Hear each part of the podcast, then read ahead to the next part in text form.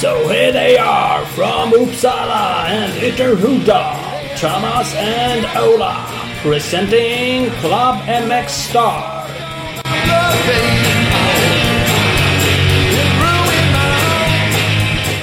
Oh yes! Club MX Star podcast. I, slå på uh, Skånefiltret direkt. Ja, direkt på med dialektfiltret för det här kan sluta hur som helst. Aj, aj, aj.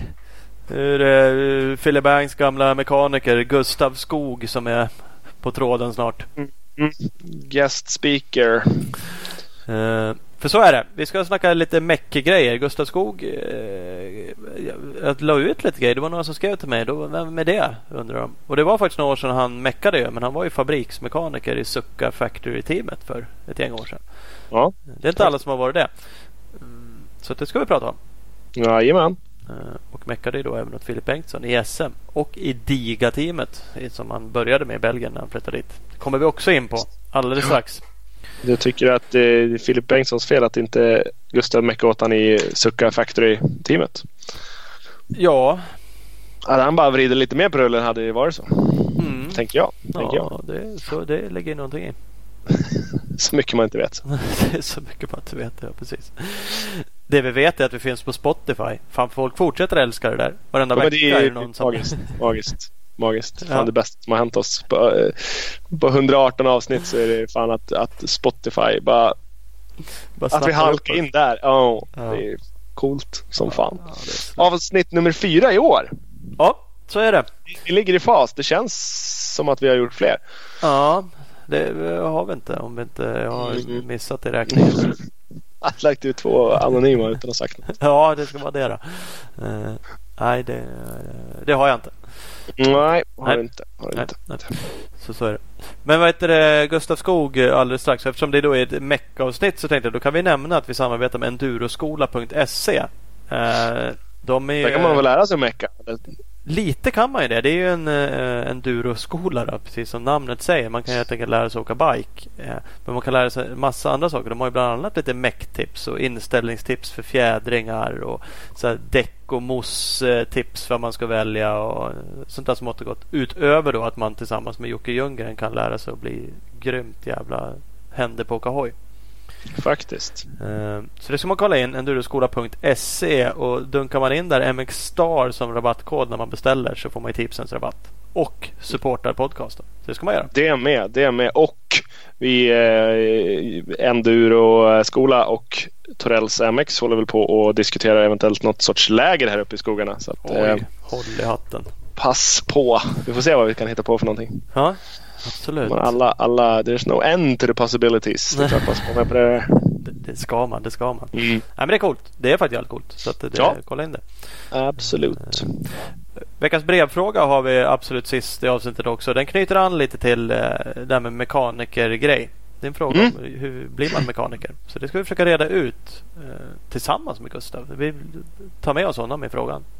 Precis, precis. Jag är också med och försöker svara. Jag fuskar lite den där jag med. Men eh, ja, Hela avsnittet eh, liksom bygger om hur hans väg var in i det hela. Så att hela avsnittet handlar ju lite om det där. Hur man kan ta sig hur in. man kan göra. Eh, Men vi går igenom det. Och där kan man ju höra av sig till oss via alla möjliga sociala medier, meddelanden och mejl och hemsidan och allt vad man nu vill med en sån. Röksignaler, allt. Ja, kör på bara så försöker vi bolla upp den och göra någon form av icke-vetenskaplig analys av frågan i podden. Mm, precis. Nej, men det kan väl egentligen handla om vad som helst. Bara om någonting man tycker att fan det här. Det här vill jag ha ett svar på som är mm, kanske är lite kul om det är cross relaterat. Men ja, vad fan. Har vi inget annat så kan du fråga om vad som helst. Eh, Ja, skjut ur bara. Fan, vi, vi tar allt. Kör. Fan hur. Palp MX som vi gillar ju, de kör ju Kiefer After Dark ibland. Ja, och där, där Det är lite- inte så jävla motorrelaterat. Nej, det är lite sketchigt. Ja, det är något annat. Men det, vi öppnar upp för det också. Ja, vi kör allt. Kör Ja, allt. After Dark bara. Då tar vi in Hugo Karlsson när det blir After Dark-frågor. Då får han inte bara redigera podden utan då får han fan stå till svars för. Då får han även svara på frågor. Ja, eh, där ska man kolla in eh, Karlsson Hugo på Instagram och hugokarlsson.com. För han fotar ju och filmar och har massa grymma grejer. Bröllop, hojsaker och allting. Så att, eh, kolla in det. Det är våran poddredigerare. Eh, kan Mm. jag anlita honom. Eh, Absolut. strax gäst Gustav Skog. Först eh, ett antal av våra magiska partners. Ja, verkligen. Opus Bilprovning. De eh, ska man anlita. Barmarkssäsongen kommer närmare och med det ännu flera tävlingar och övernattningar i husvagn för många. Och hos Opus kan du besikta bil och husvagn samtidigt. Då sparar ni både tid och resväg till besiktningen. www.opusbilprovning.se Det var bara en punkt. Mm, det var bara en punkt. Kolla in det, Mm. hemsidan. Kolla också in. De har en app där vi pratade om förut. Fantastiskt. Eh, vi har Scott med oss. Eh, missa inte, de har dragit igång en ny serie av Scott Vision Series. Det är säsong två av den. Eh, riktigt sköna filmklipp. Eh, första avsnittet av säsong två var Malcolm Stewart. Nu kom ganska nyligen ett eh, avsnitt två med Andrew Short. Eh, grymma filmer där man liksom får hänga med förarna på ett lite skönt sätt. Eh, skottförare såklart. Så att, eh, kolla in det. Det finns på våran Facebook. Eh, och det finns på, även på Skottsport Sveriges Facebook. Så passa på att följa dem eh, och kolla in skott-sports.se. Jajamän. Och nya för i år har vi med oss Tibro MC Service och Cross Enduro-kompaniet som slås ihop och blir CEC Motorcycles. Bestående av två butiker med märken som Yamaha, Honda, Succa, Kawa, KTM och Husqvarna. Just nu så kör de en Husqvarna TC85 2019-kampanj. Den innebär att du som kund köper en Husqvarna TC85 till fullpris utan inbyte. Så ingår en värdecheck på 5000 spänn att köpa powerparts för att eh, blinga upp hojen. Så att, eh, tveka inte. Kontakta dem för en offert. Info at eh, tbramseservice.se. De finns på Instagram och Facebook under tbramseservice eller Cross Enduro-kompaniet. Undrar när jag behöver slå till på sådana deal. Såg du att jag la ut ett filmklipp när Henry sitter på Husqvarna? Ja, ja. Mm. Det, är, mm, mm, mm, det kan bli det. Och då, jag vet ju hur du, mycket du gillar bling, bling, bling, bling, bling. Så att du kommer ju direkt köpa en sån där. Du, det sjuka, jag är, ja, jag är inte så mycket för det men jag kommer att skeva ur fullständigt liksom, när man får en unge som kör. Ja, vadå, måste han ha en kolfibersving? Ja, absolut. Ja, det- Lite längre, lite bättre, lite lättare. Ja, Det är måste man ha.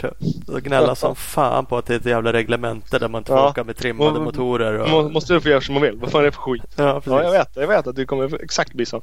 Och så kommer du gnälla på alla andra som har det. Vad fan då? Ja, precis. Så jävla orättvist. Så är det. Så är det. Hör, eh, vi ska vi ringa Gustav Skog? Det ska vi. Är det Gustav? Ja, men Tjena. tjenare! Tjena. Ah, det här låter som vi har kommit rätt. Ja, ni har kommit ner till Skåne. Ah, gött. Gött. Fan vad härligt. Hur är läget? Jo, för fan det är bra. Ja. Skönt, skönt att höra. Det är ju soligt här nere på Rivieran. Oh, det, för ni har väl vår hörde jag på rent meteorologiskt. Ja, det kan man faktiskt säga. Ja. Men skulle inte förvåna mig om snön kommer Nej, det är väl så. ja, lagom till mars. Jajamän, mitten där. Då Mm. brakar det till så får ni en decimeter igen. Precis. Perfekt. Ja, ja. Ja, ja, ja. Så är det. Det får man ta. Hör, det var jäkligt länge sedan. Jag, jag kollade, nu nu har jag inte framför mig, men när jag typ eh, skrev någonting till dig senast på Messenger. Typ. Det var sjukt länge sedan. Och det var jävligt länge sedan du slutade mecka i, i VM-team och sånt där. Då, då pratade vi om att du skulle vara med i podden tror jag. Eh, Men eh, ja, jag har för mig, eh, jag för mig det var i, vi snackade om det i Haninge. SM Haninge typ, ja, vad var det, 2015? ja. det är ett tag sedan. Ja, det är rätt länge sedan. Ja. ja, men det gör ingenting. Vi, vi tar det nu. För, för vadå Den liksom? som väntar på något gott. ja, men Så är det ju. Man har ju suttit hemma och hållit andan nu och väntat på att det här skulle hända. Precis. Ja. Ja. Ja, men det är roligt. Nu, börjar jag i fel ände. Men vad gör du idag? Idag håller du inte på så mycket med hojskruveri eller hojåkning? Nej. Nej, det har blivit mindre på den fronten faktiskt. Jag eh, jobbar på ett företag som eh, gör vågar. Ja. Så jag eh, är ju vågtekniker nu kallar jag mig. Oj, oj, oj. Ja. Man väger Ja. inte människor då gissar jag, utan man väger andra större Nej, saker. det, det vågar för hängande last. Om du har en eh, timmerbil till exempel så kan du hänga en våg på, eh, mellan eh, bommen och gripen. Ah, ja, ja. Så får Se, du, får du se. vikten på lasset liksom. Men när, du Eh, håller på. Oh, Exakt. ser. Ja. Inte helt, men inte helt tappad. Nej, fan. ja, ja, ja. Skruvar fortfarande. Mm, mm. Härligt, härligt. Ja, men det är skönt. Eller saknar du att skruva bike? Eller är det skönt att låta bli? Alltså, eh, det är ju liksom inte någonting jag går och suktar efter på... Det är, det, är väl skönt, det är väl skönt att tjäna riktiga pengar. Eh, ja, För alltså, i förhållande till hur mycket tid man lägger ner. ja, då är det ju bara spottstyver egentligen. Men, så är det. Så är det. Så är det. För, för vad, vi jag och Ola försökte det. Jag försökte också googla lite. Det var inte så jävla mycket information det fanns. Och så tänkte jag så fan US Capital, det teamet som var. Där var du väl involverad fick jag för mig. Så försökte jag googla lite på dem. Som ändå liksom var ett vräkigt team. Och så inser man att fan Mm. det var inte mycket. Jag hittade någonting på min egna sida MX Star. Liksom, någon gamla artiklar så att det skulle åkas VM något år. Och, eh, men- det var inte så mycket. Men Skruvade du i US Capital? Var det där det började? Eller skruvade du innan liksom SM och sånt där? Eller vad? Alltså det började ju med att jag gick i nian. Så hade man en sån två veckors, vad ska man säga, praktik. Mm. Och då eh, var jag ju på uh, Motorstar Ja, i Sjöbo ju, i två veckor. ja precis. Och eh, ja, då fick man ju typ sätta ihop bikar som kommer i lådor. Det var typ det jag gjorde. Ja, Ja, men sen lär man ju känna eh, Filip Bengtsson där ju. Eh, och sen så blev vi ju rätt bra polare och sen så blev det att jag meckade till han då på SM i två år. ja, 2000... Ja, det var länge sedan i alla fall. ja, ja det är det. 20... 2000... Vad fan är det? 8? Nej, nej. 7, 8. Ja, Nej, det kan det fan inte vara. Det måste vara 2009, 2010. Så. Det var ju samtidigt som du hade ditt Yamaha-team. ja Var precis. inte Det det? var, jo, jo, men det var det. För det var, då var ju liksom då vi lärde känna varandra. Liksom man träffades lite mer sådär. eh, När jag också hängde Ja. lite mer på Esendepåerna. Så det måste ju ha varit där 9, 10 då. 8 var jag ju med. Eller det säger jag kommer inte heller ihåg. 9 var jag väl där med. med eh, ja, det hjälpte Mackan Åhlén lite grann. 10 körde vi i Mm. teamet. Precis. Och 2011 stack jag till Belgien. Så det var, Ja. det var 9-10. va? Mm. Så. Så då, så då Så det- hängde du liksom ja. Då hängde du med Filip till US Capital. Du hjälpte honom Ja. innan det då. Så vart du liksom Ja. Det blev att jag... Man hängde med lite för man tyckte det var fräckt och det var roligt liksom. Och, Mm. och så. Och sen så... Hjälpa Kent. Lite. Det- Kent det där-. Var, var han involverad i US Capital-teamet? För det där teamet kom ju Nej liksom... men Kent alltså Bengt. Alltså Ja, ja, farsan. Ja, ja, ja, precis. Eh, men, men US Capital-teamet då? Har, har du några insider om det? Det kändes som det kom lite från ingenstans och var så jävla Alltså- vräkigt i några år där med stor trailer och... Alltså det här US Capital. Eh, det fanns ju. Alltså det fanns väl redan 2007 tror jag. Det började ju med, med Hampus Mårtensson Ja, och eh, en kille från Helsingborg som jag inte kommer ihåg namnet på. Eh, och sen så var det han som hade teamet som hette Niklas Rosén. precis. Som hade någon bygg, byggfirma i Helsingborg. Och sen så, eh, ja. Sen blev det väl, tyckte han det var fett och skoj och allt möjligt. Så då vräkte man på. Ja. Medan det fanns stålar. Ja, Och sen försvann man fort när stålarna tog slut. ja det var väl så. Ja. Det, Men det är det, roligt när, det väl, när, man, när man väl höll på i alla fall. det, det var jättekul och det, det var ju väldigt, det var ju liksom proffsigt och stort så det var säkert roligt att vara involverad i det. Eh, och det, det är många sådana där team Alltså som... det var ju, alltså det är ju, det är ju som ett, det är, så det är ett svenskt team. Där du står i en trailer och du har samma kläder och du har samma sponsorer på tröjan men du kör ju ditt eget race ändå på ett Ja. sätt. Ja. Du cashar ju upp från egen ficka ändå. Du har ju, ja vad ska man säga. Det är inte som ett VM-team liksom. Nej, det- det är liksom... Det, det är väl ja, tyvärr eller inte. Jag vet inte, man kan ju spinna på det där som förare och få ut någonting av det och stå i ett stort team. Men Jo, det är ju mer, mer klistermärken och dekaler än, liksom, än vad det verkligen är. Liksom. Man är inte en betald förare och bara kommer dit och Nej. kliver in. Utan, det, Precis. är, det är som du säger, en, plats i depån där du ändå har din meck eller dina föräldrar och typ din egna Ja. hoj. Och, ja. Det blir lite, vad ska man säga, hype när du står i ett sånt tält också. Ja men det blir det ju. Så gör man det rätt som förare så tycker jag absolut. Då kan man ju spinna på det där liksom. Att det är snyggt. Och du kan ha det snyggt för dina sponsorer. Och du kan ha. Där var det ju också lite hospitality i det teamet. Gick liksom och käka och bjuda in Ja, folk. Och, eh, så Det det var klart. ju farsan som stod för det. Ja men det var ju det. Du hade ju hela familjen där. Både farsan och Ja. morsan var väl. Farsan och morsan, ja, de, de hade matshow. Det var ju svinbra det där. Det var ju för att fan de hade åkt runt med egen buss ett tag. Ni släpper ju runt både Veideck-trailern och så Ja. buss för hospitality-gänget. Och, Ja, den där jävla bussen de köpte som skulle de åka ner till eh, lag-VM i Saint-Jean-Angeli. Den jäveln fattade ju eld halvvägs i Tyskland. ja, oh, det jösses. Så ja, de där historierna hörde jag. Var det inte typ så här på autobahn och det skulle boxeras Jo, jo. kontroll och det liksom hyrdes mitt- bilar. Mitt på autobahn mitt i natten och jäveln fattade fyr där i bakänden när motorn var. Så hela skiten blev sen, ja, det var, det var på ren skånska klöd. Var du med? Nej, fan det var ju då när jag När du skruvade? Du var redan på plats. Ja, Ja. ja, precis. Och, ja, men jag vet, jag hörde den här historien. Farsan din har nog dragit den där några gånger och det var jävla Mm. Och sen skulle den väl hem också såklart. Eller lagas Ja, ja, och här det- upp till Sverige. Jag stod väl där nere i, i någon gammal bilverkstad där nere ett tag också. Ja. Så kan jag.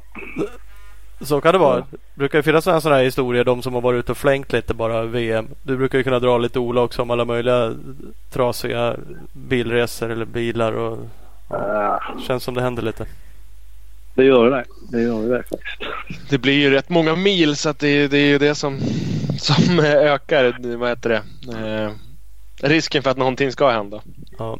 Precis. Man har ju kört en del mil om man säger så.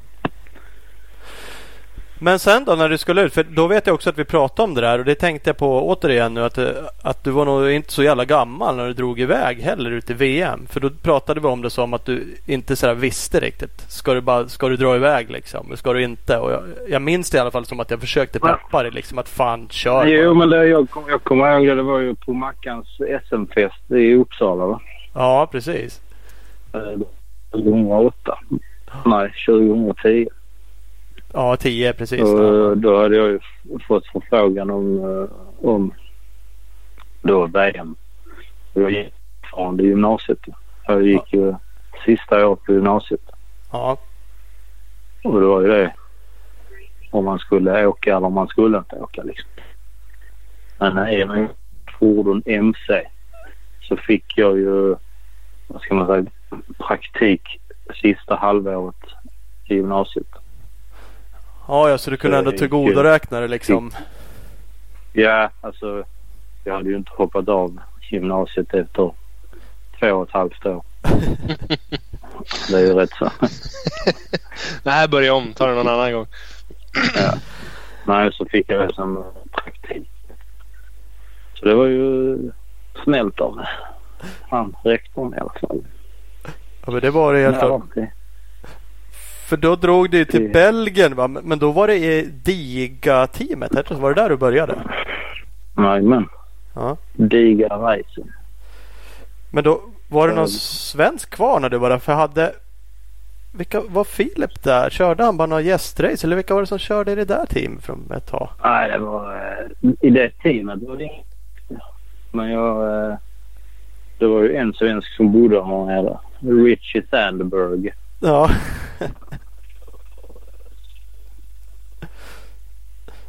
nu försvinner Då du. bodde vi ju... Hör du mig? Ja, nu så. Ja, den här headsetet gled ner. Ja, det- Nej, han bodde ju där nere, Rickard. Mm. och körde på det då. Och då, ja som ni alla, alla som har varit nere i Belgien vet ju vem eh, Reinar är som, som uh, har sin lilla, vad ska man säga, byggnad i ballen. Ja. Det vet väl alla. Där Ungefär. bodde ju Rickard och där bodde jag också ett tag. Det, det var lyxhistoria. Det var lyxboendet. Mm, då jävlar. Fan, det var ju mer mögel än något annat. Ja. Och fem grader varmt inomhus. Ja. Nej, det var ingen hit. Men eh, nej, där bodde ju, jag skulle ju, alltså grejen att jag skulle ju mecka till en svensk i det digateamet. Ja men vem var det åt då? Uh, ja, det är ju, ja, Alex Eriksson. Just det Ja. var ju något sånt där. Jag vet att det var någonting. Ja. Där jag blev uppringd av Alex Eriksson och frågade om jag ville följa med ner och mecka till honom. Ja, ja det var det som Och det, var ju, det var ju liksom det som var början till det hela. Ja. Och ja, vi körde på det och sen så eh, stack jag ju ner vid, ja, typ vid det, s- eh, i början på januari måste det varit. Eh, och just i det skedet så körde han ju sån här inomhus supercross i den här i någon jävla lada uppe i Stockholm eller vad fan det var. Ja. Och bröt armen. Ja. Så han, han kom ju inte. Och sen så helt plötsligt så försvann han. Han kunde- man kunde inte ringa honom och ingen fick fatt på honom. Perfekt. Så det, var ju, så det var ju liksom, eh, det var ju liksom, ja. Om man ska dra slutsatsen så fanns det inga pengar Nej. som vanligt. För då så, var dealen var liksom att du, ja, du var som anställd av honom kan man säga. Ungefär som att du meckade åt Filip skulle Nej. du mecka åt Alex eller? Ja, nej, jag skulle vara anställd av teamet ju. Ja okej. ja. Men, men grejen var ju att Alex han kom ju inte så jag hade ju ingen förare att mecka till. Nej. Så jag bodde ju där nere i Belgien i typ två månader utan att göra ett jävla skit. Mm. Jag hängde Oj. med Rickard och åkte med honom på träning och sånt. Och sen så kom det ju fram att eh, han hade ju inga pengar, Alex. Och eh, då blev han utskickad från teamet.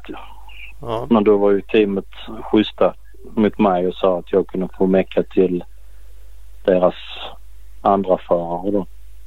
Så de kickade en mekaniker för att jag skulle få vara kvar. Men det var ju kompistag i alla fall. Ja, faktiskt. Nej, så då meckade jag till eh, Nick Trist, heter han. Ja. En, en belgare. I MX2. VM. Just. Men vad fan, Diga-teamet där. Det finns ju ett annat team nu som heter Diga också va? Fast det är ju tyskt. Ja, men det är ju som han, vad heter han? Ja, svenska. Han svensken. Filip? Olsson. Precis. Filip Olsson, ja. Men det är ett tyskt team. Ja, så de hänger inte ihop överhuvudtaget. De har bara helt enkelt tillsammans. Nej. Nej, för det här heter väl Pro, Pro Racing eller något sånt. Och Diga Ja. Racing är ett belgiskt privat team. Precis. Men, det känns ju inte som något så här jätteteam. Eh, men det funkar ändå. De hade liksom avlönade, eh, uppenbarligen avlönade mekaniker och annan avlönad personal. Ja. Ja. Alltså den, den, den personalen som var avlönad var ju mekanikerna. ja, Resterade folket var ju mer, vad ska man säga, som jag har förstått att det var att de hjälpte till liksom. För de tyckte det var roligt. ja, Så det var väl eh, ja, jag och han den andra mekanikern Gaetan som hade lön om man sa. ja, precis. Så, men det, det var tufft när man hade meckat SM där det inte är och sen kommer ner till VM där det ska vara tipptopp. Man fick lära sig rätt mycket på några månader. Mm, det är lite, lite kortare serviceintervaller där och lite mer att gå igenom mellan Mm. racerna. Ja det är ju plocka ner molekyler efter varje race. Det var den nivån. Gjorde, gjorde ni inte det på SM menar du? Mm, nej, det var mest uh, nya klibbor Tvätta och smörjde kedjan i med ett nytt luftfilter. Klart. ja, Ja. Men det, det höll det skiten med oftast. Ja, för fan. Ju, mer, ju mindre man pillar desto mer håller det väl Desto större risk att grejerna går. Jo, men så är det ju. Ja, ja. Det, är fan, det är min filosofi också. Har alltid varit. Så jävla för bra. fan. Precis. Men Nej. nu ska jag, inte, jag ska inte klanka det på digateamet. Uppenbarligen så är det bättre än vad jag trodde. Det är liksom, för mig har det känts lite som att åh ja, visst är det team, de har kört VM, men att det var ett Ja, men, ja, men ett sånt där team som man känner att det kanske inte är 100% ordning liksom. Eh, och inte Ja, men alltså att man det, vad ska man säga? Det, det, det var ordning men det fanns ju helt klart saker man kunde förbättra men då skulle man behövt ha eh, lite mer cash i, i börsen. Ja. Det, Det är ju det är ju oftast det som är grejen. Alla, alla som åker VM eller har ett VM-team vill ju ha det hundraprocentigt. Men det är ju oftast pengarna som säger ifrån. Det är ingen som har skitmycket stålar och tänker äh, vad fan skit i det där. Vi går ut och dricker en bärs istället. Fan byt korven nästa ja, men det enda teamet som känns som har mycket pengar nu för tiden det är ju typ Ice One och Vilvo och Yamaha. De fläskar ju på rätt så bra. Mm. Men om vi ska gå tillbaka till det andra så ja, det var liksom ett bra första team liksom. Alltså kändes det som. Eh, det var ändå press. Det är ju ändå, man är ju ändå en mekaniker och du ska fixa en, en bike som en person ska köra på. Han litar på mig som mekaniker. Flödar jag till det så kan han skada sig. Ja, ja, så blir det ju Mm. såklart. Ja. För, för, bra Så- första team sa du. För sen blev andra teamet blev lite större va? Ja, det gick ju lite snabbare än vad jag trodde. Eller jag hade tänkt. Ja.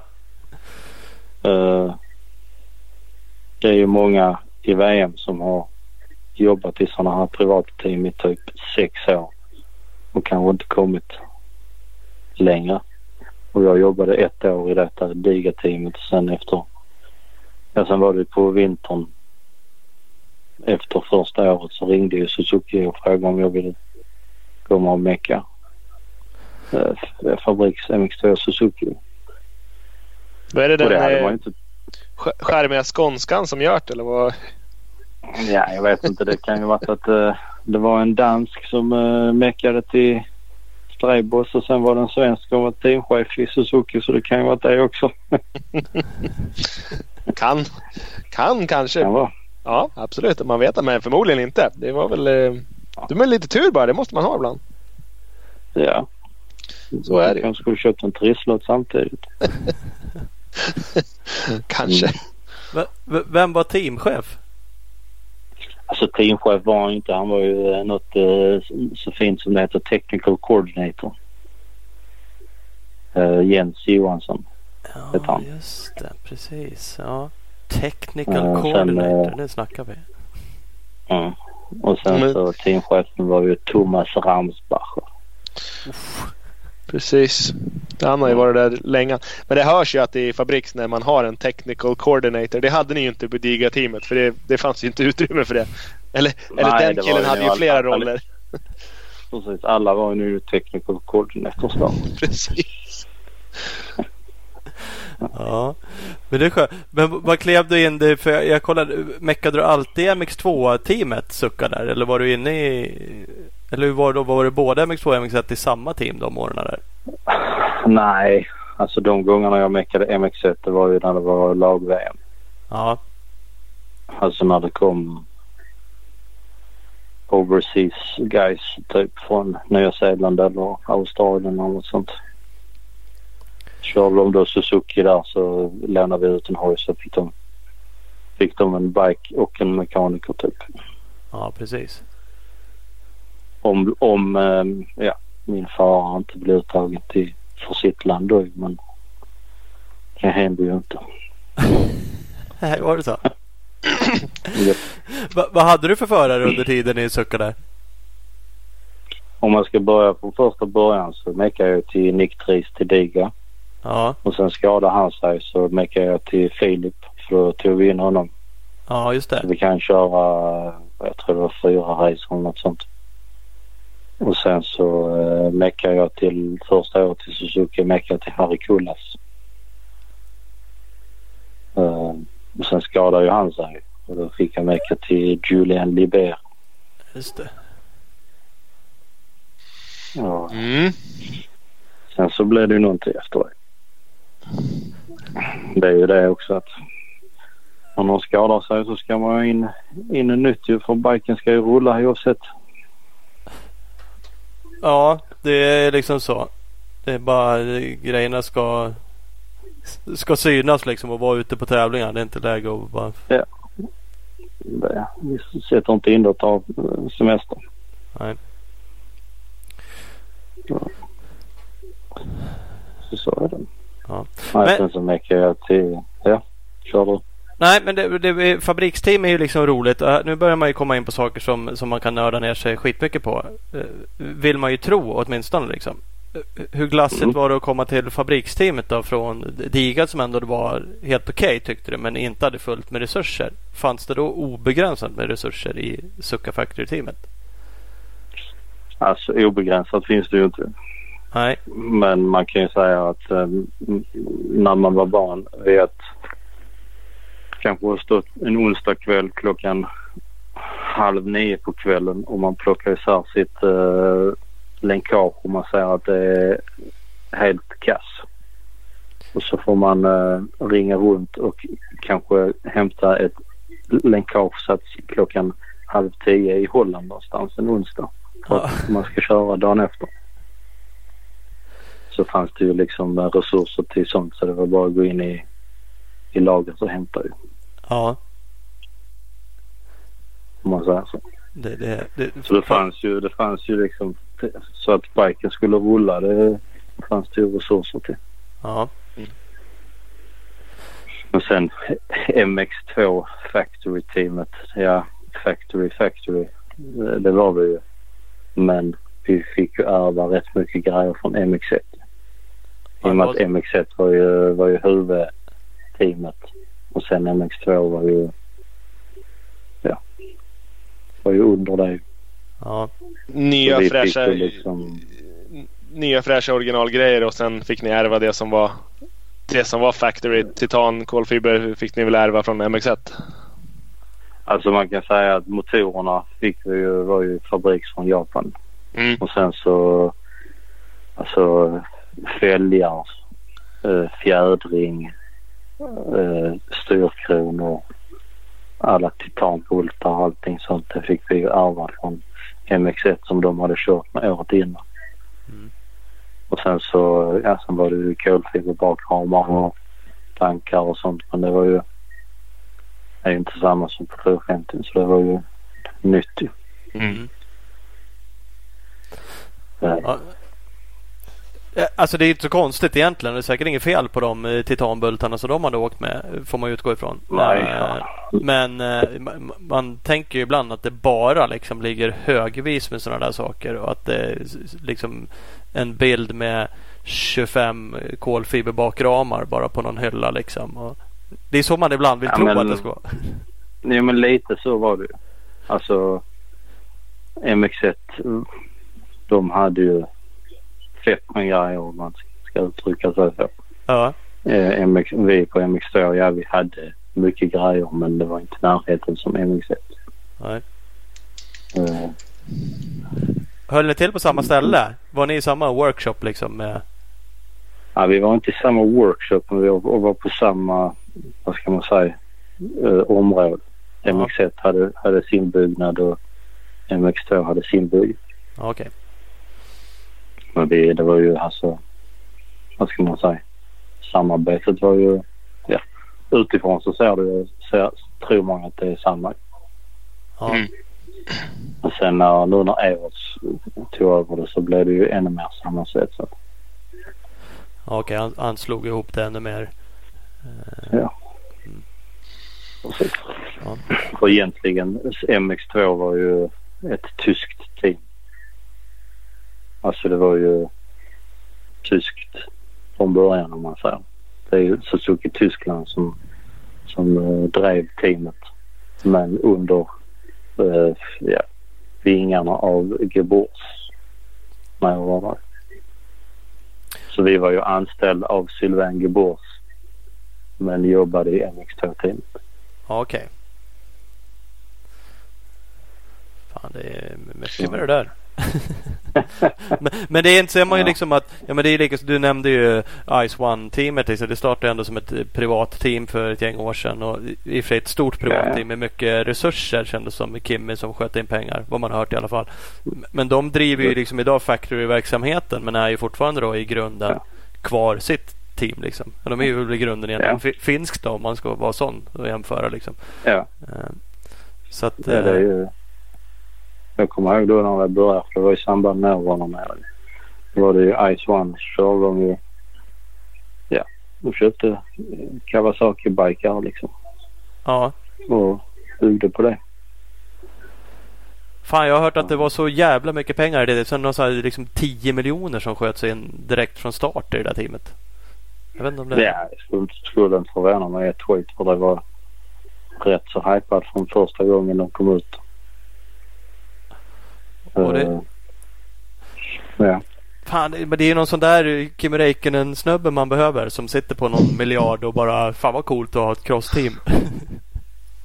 Ja. De, de står Det- inte så jävla tätt bara. Det är det som är... Nej, de gör ju inte det. Nej. Det- De lägger nu pengarna på någonting där de kan generera mer pengar. Ja, det, ja. Nu kanske det rullar tillbaka några kronor i och för sig. Men det är ju inga garantier att man blir ett fabriksteam några år senare. Liksom. Det skulle ju kunna rulla ur 10 miljoner ur det där teamet varje år i 10 års tid. Ja, precis. Så att det, Så är det. ja, ja. ja, men det var en satsning som gick okej då i alla fall. Kul för dem. Ja, lite, faktiskt. lite som mitt jamma-team med SM.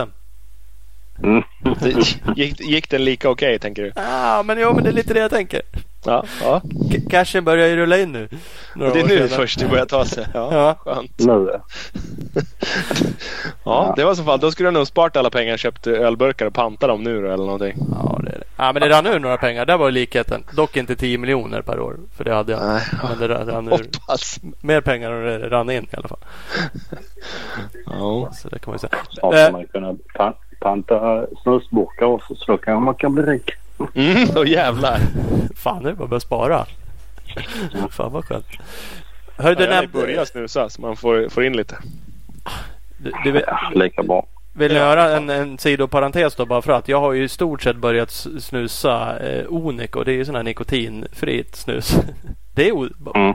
Aldrig varit snusare i hela mitt liv. Jävlar, Ja, jävligt onödigt. onödigt. Men det är mysigt. Ja, ja, ja. Det gör mig lite lycklig. Exakt var i, ligger mysigheten tänker du? Nej, men det är, jag har alltid tyckt det var mysigt att stoppa upp en snus men jag är typ allergisk mot nikotin tror jag så jag mår ju dåligt som fan om jag snusar riktigt snus. Ja, okej. Ja, ja. ja, ja. Ja. Det var ett sidospår. Det är inte lätt alltså. Nej, det är inte lätt. När man vill vara som de tuffa grabbarna. Är det... Jag, jag, jag kan säga att det var inte så lätt att snusa när man bodde nere i Belgien. Nej, det var inte det. Hela, hela frysen var full. Var ingen, Men det är ju så. det var ingen mat. Det var bara snus du ville ha ner så fort någon Ja. kom. Nej, nej, det var snus och Fritzes och Boulett. Ja. Ja, fan det är hårda bud. A- apropå boende där nere så Daniel Ahlgren var vänlig nog att skjuta in en lyssnarfråga. Eh, mhm. Då, då, då frågade han, vad skrev han egentligen? Han, hur många gånger tvättade du dina kläder själv när du bodde i Belgien? Alltså det var inte så jävla ofta för att eh, där i det, jo, eller första året så tvättade jag inte dem så ofta för att eh, teamchefen i Diga, hans fru var väldigt snäll och tvättade mina kläder. Ja, Eh, så det var ju det var ju helt okej. ja. Sen, eh, men sen eh, år två och tre så fick jag ju lösa det själv. Fan också. Och då satt man ju i en sån jävla tvättautomat där nere i ballen och i tre timmar och lyssnade på det skitet. Ja, det är kanske inte livet. Mm, nej. Men jag förstår i sig att du inte tackade nej till om du fick eh, tvätthjälp från början. Här. Det är rätt nej, det var ju kanon. Ja. Och de bjöd på mat också liksom så det var ju perfekt. Man hade ju kommit, man hade ju kommit hemifrån där man fick sina kläder tvättade och så maten på bordet. Och då flyttar man 90 mil ner söderut där man inte kan ringa morsan. Då fick man lösa det själv. Då bara hittar du en ny reservmorsa bara, inga problem. Nej. Precis. Exakt. Exakt. Ja. Nej, det, det är alternativet. Det är ju antingen lära sig själv eller hitta någon annan. Precis. Ja, man måste vara kreativ. Ja, absolut. Problemlösare, helt Ja. klart. Det, ja, det är rätt. Ja, ja. Nej, så Daniel, eh, jag tvättade mina kläder eh, ef- efter dig. Gjorde jag det? Då, fan vad skönt. Mm. Bara snackar den där jäveln. Ja, ja, ja, ja. Hörru, du sa eh, motorerna kommer från Japan. Kom, Mm. kom motorer alltså färdigtrimmade, klara från Japan? Ni bara lyfte i dem i en ram eller vad var status på sånt? Ah, de kom ju i delar ju. Men Ja. de var ju liksom toppar och kammare och sånt. Det var ju liksom färdigt om man säger. Det var inget ni gjorde eh, in-house, stod och filade cylindrar och grejer utan det var klart liksom. Nej, det var klart. Det var någon liten japsare som hade gjort det innan. Ja, Det är väl jävligt... Eh, då är man ju nere på privatteamsnivå om, om man som meck är, är involverad i den biten. Då är man nog även technical eh, engineer och, och eh, technical supervisor och eh, busschaufför och motortrimmare Ja, mm. i samma där. precis. Nej, vi hade ju motormeck och vi hade fjädringsmeck och jag kan ju säga att jag var ju en montör. Ja, Så jag monterade allting. Så, såg till så att allt satt ihop och att allt såg ut som att det skulle snurra ett tag till. Ja, precis. precis. Ja det är lite så. Du, du fick, tog liksom inte kartonger med delar från Japan och skruvade ihop en motor. Utan det, det fanns det någon kille som gjorde det. Och sen fick du en motor färdigskruvad. Och Ja. liksom, här, sätt i den här ramen. Och det, det är ju lite där det man vet att det är fabriks. För då har du, du plockar av fjädringen och så ger du den till en kille som är specialist på fjädring. Du är ju en chassimekaniker mer eller mindre. Och så Ja. tar du ur motorn och så ger du den till en, ett proffs på motorer som inte gör någonting annat. Det är det han gör. Han liksom har koll på alla toleranser, allt på den biten. Men du sköter chassit. Så eh, det jag gjorde, och jag monterade och jag var även psykolog. Ja, Det är det man är. Det är det Faktiskt. man är. och det är en ganska viktig del i det hela. Ja, Jo, men du kan. Du kan. Eh. Jag lovar. Du kan. Du tar starten. Kom igen. Håll i bara. ja men det var, det var liksom så, vissa grejer man bara ja, kunde ha uppskatt. jag, kommer ihåg, jag kommer ihåg en gång då i Diga-teamet där vi ute på Lummel och harvade i sandlådan där och sen så eh, körde han så kom han in och så sa han nej jag tycker inte fjärrningen är bra. Nej. Och vad är det som inte är bra då? Nej men den är inte bra. Nej. Men vad fan ska jag göra då? Ska jag, är det fram eller bak eller är det retur eller kompression eller vad fan är det? Nej men det är bak där. Ja, ja, så jag klickar lite där. Jag skulle inte säga vad det var heller. Så jag klickar lite där på, jag kommer inte ihåg om det var returen eller kompressionen eller både och. Jag vet inte. Jag klickar lite där. Sen kom köraren två varv och så nej det var inte, fortfarande inte bra. Så nej men kör du in så vilar vi lite. Och så sa jag till honom, ja nu har jag klickat lite så nu tror jag att det är bra. Jag ska köra den ut och så, ja nu, vad fan, hur var det bra? Så då hade jag bara ställt tillbaka det till samma som det var när vi började. Ja. Jag har... eh, liksom, eh, psyko- psykologiskt i huvudet. Bara Jag har, eh, han- jag har tvättat en gaffel på SM. Jag har Mm. skruvat, skruvat bort en gaffel, gått med den till fjädringsbussen, gått in i fjädringsbussen, stått där inne och snackat skit i 30 minuter och fika och sen gått ut och monterat samma gaffel bara rengjord utvändigt. Och bara helt annan hoj. Fy fan vad bra den går nu. Jävlar så bra gjort. Mm. Ja, jag vet. Nej, det, allting sitter i huvudet. Ja, väldigt mycket gör det. Absolut, så är det ju. Ja, inte allt, men mycket. Ja. mycket gör det. Så det har ju varit. Och liksom lite sådana, jag måste ha handskydd på för jag tycker att jag kör fortare med handskydd. Ja, vad fan ska du ha handskydd när du inte behöver? Nej, men jag ty- tycker jag kör fortare då. Ja, ja, men då sätter jag på handskydd. Absolut. Det är klart du ska ha handskydd grabben. Ja, ja. Det är fett. Den där är ju... Ja, den där är skön. Reklam! Husqvarna, amerikanska Rockstar Energy Husqvarna Factory racingföraren Colton Haker har precis släppt filmen Rare Exception på iTunes. En riktigt skön och intressant film som eh, går igenom Coltons liv som hojåkare. Den ska man kolla. www.husqvarna-motorcycles.com eller Instagram Husqvarna Motorcycles Scandinavia. Mm, man, man ska kolla. Jag har faktiskt inte sett hela ska jag ärligt snabbt säga. Men den är jävligt cool. Ehm, lite gamla klipp från när han började åka hoj och från när han är i Europa och kör extrem race. Colton Haker är ju cool överlag. Han var ju jävligt eh, tidig med sina eh, typ vad heter det? Footplant 360 och, och grejer. Ja, på någon jävla Honda var det när de kom ut. Ja, där, där började han med Rockstar Honda och bara äh, vad fan det där är ju tryckfilmat. Men det var det inte. Det är coolt. Så att, uh, Graham Jarvis är med och Billy Bolt. Heter han så? Bolt? Ja. Men, ja. Kolla in det. Kolla in det. Uh, Speedstore har vi med oss också. Det är butiken i Valbo utanför Gävle. De har ju allt som du behöver för din enduro och crosshoj. Uh, något annat som är kul med dem, uh, extra roligt, är att de liksom är med och lyfter sporten på andra sätt. Uh, de har fixat ett antal småhojar som snurrar på prova på-verksamhet på Årsundabanan. Uh, Richie Rickard där på Speedstore är ju återigen med och bygger, bygger om banan inför SM där i år.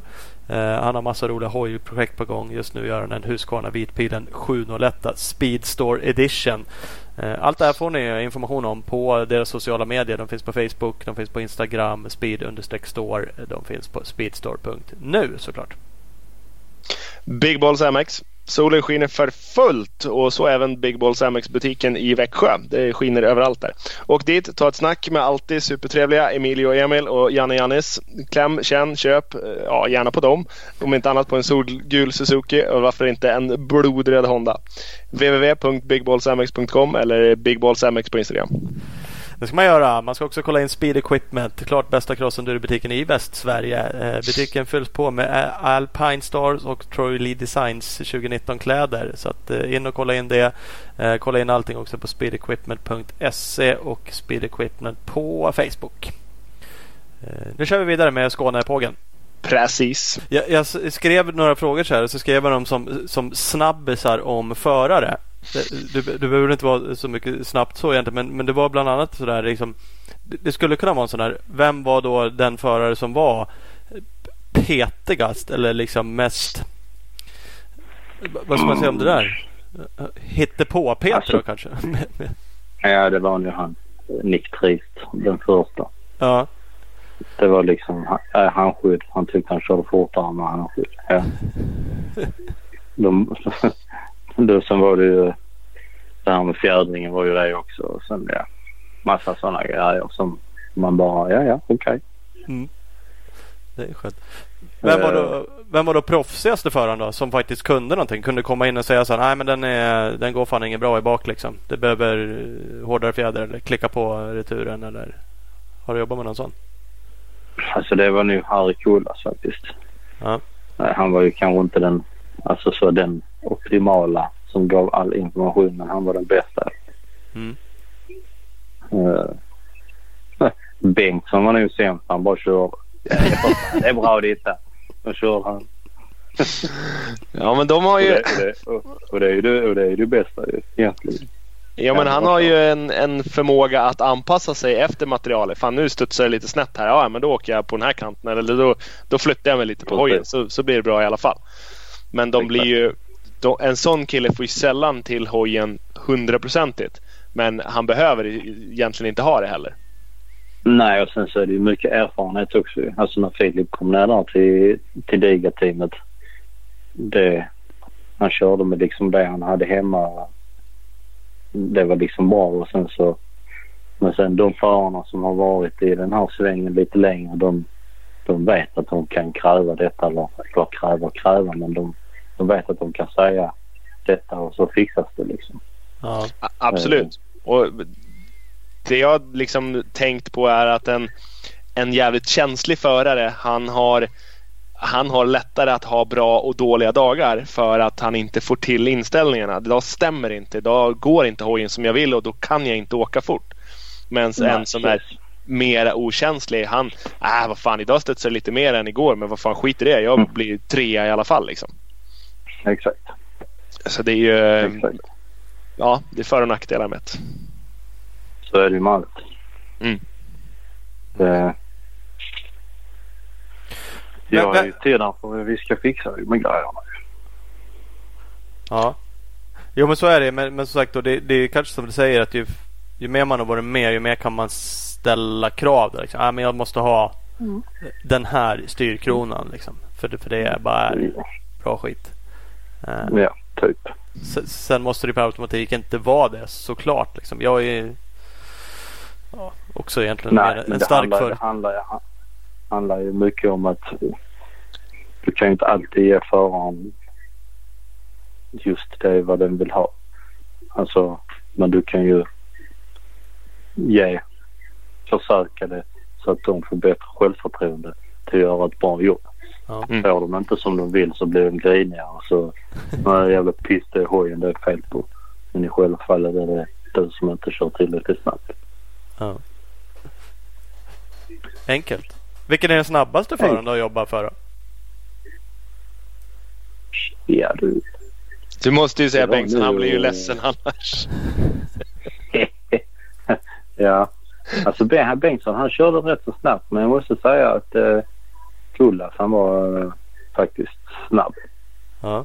Men eh, ja, jag har väl inte haft någon så riktigt dunder förare som har legat i topp fem liksom.